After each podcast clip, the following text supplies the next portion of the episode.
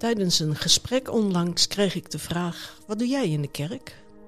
Een vraag die me onmiddellijk terugbracht in de tijd, zo'n 40 jaar geleden. Ik was bijna een jaar aan het werk aan een school voor christelijk beroepsonderwijs. In die tijd was het gebruikelijk dat je na een jaar een vaste aanstelling kreeg. Maar voordat dat zover was, moest er eerst een gesprek plaatsvinden met iemand van het bestuur om te bespreken hoe ik de christelijke identiteit van de school zag. Ik zag als een berg tegen dat gesprek op, alsof ik examen moest doen. Ik was in die tijd niet zo heel erg met het geloof bezig, laat staan dat ik dat allemaal goed kon verwoorden. Het gesprek was op een middag, vond plaats in het huishoudkundelokaal aan een ronde tafel met een toen in mijn ogen wat oudere mevrouw. Ik denk dat ze mijn leeftijd van nu had. Haar eerste en enige vraag was: Wat doe jij in de kerk? En mijn antwoord, na even nadenken, aarzelend: Ja, eigenlijk niet veel. Ik ging in die tijd wel naar de kerk, maar lang niet altijd. En het enige wat ik deed was eens per maand het kerkblad rondbrengen. Meestal deed ik die in de brievenbus. Heel af en toe belde ik eens ergens aan om het persoonlijk te geven.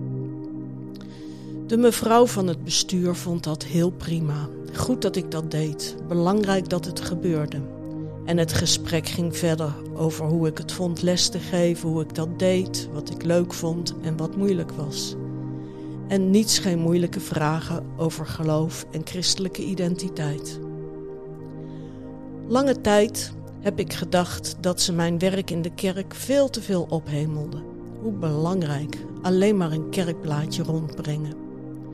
Maar nu weet ik dat iedereen moet, mag doen wat hij kan. Passend bij je talenten, kennis en kunde en ook passend bij je levensfase. Soms is dat even alleen maar een kerkblaadje rondbrengen. Op andere momenten zijn dat weer heel andere dingen. Degene die mij onlangs de vraag stelde wat ik in de kerk doe, gaf aan dat ze zelf niets doet in de kerk. En daar voelde ze zich schuldig over. Maar verderop in het gesprek gaf ze aan hoe ze naast haar drukke gezin en haar werk ook nog voor een probleemgezin in de buurt boodschappen deed en kookte. Ik zei haar: ook dat is werk in het koninkrijk van God. En dan is het helemaal niet erg als je een poosje niets doet in de kerk.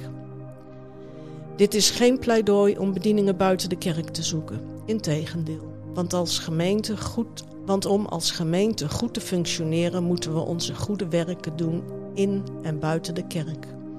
Zoals Paulus schreef aan de Galaten in hoofdstuk 6, vers 9: Laten we het daarom het goede doen, zonder op te geven. Want als we niet verzwakken, zullen we oogsten wanneer de tijd daarvoor gekomen is. Laten we dus in de tijd die ons nog rest voor iedereen het goede doen, vooral voor onze geloofsgenoten. In onze kerk moet ook veel gebeuren. En soms, als er geen mensen zijn, kan iets vervallen. Dan is er bijvoorbeeld een keer geen livestream, wordt er niet vertaald of komt er geen manna. Maar dat kan niet bij alles. Zonder schoonmaak, zonder BHV, zonder techniek, zonder kinderwerkers kan een heleboel niet doorgaan. En dat is toch niet wat we willen. Dus wat doe jij in de kerk? En weet je niet goed wat je wilt en kunt? Neem dan eens een kijkje bij de Matchpoint Hoek. Daar word je graag verder geholpen.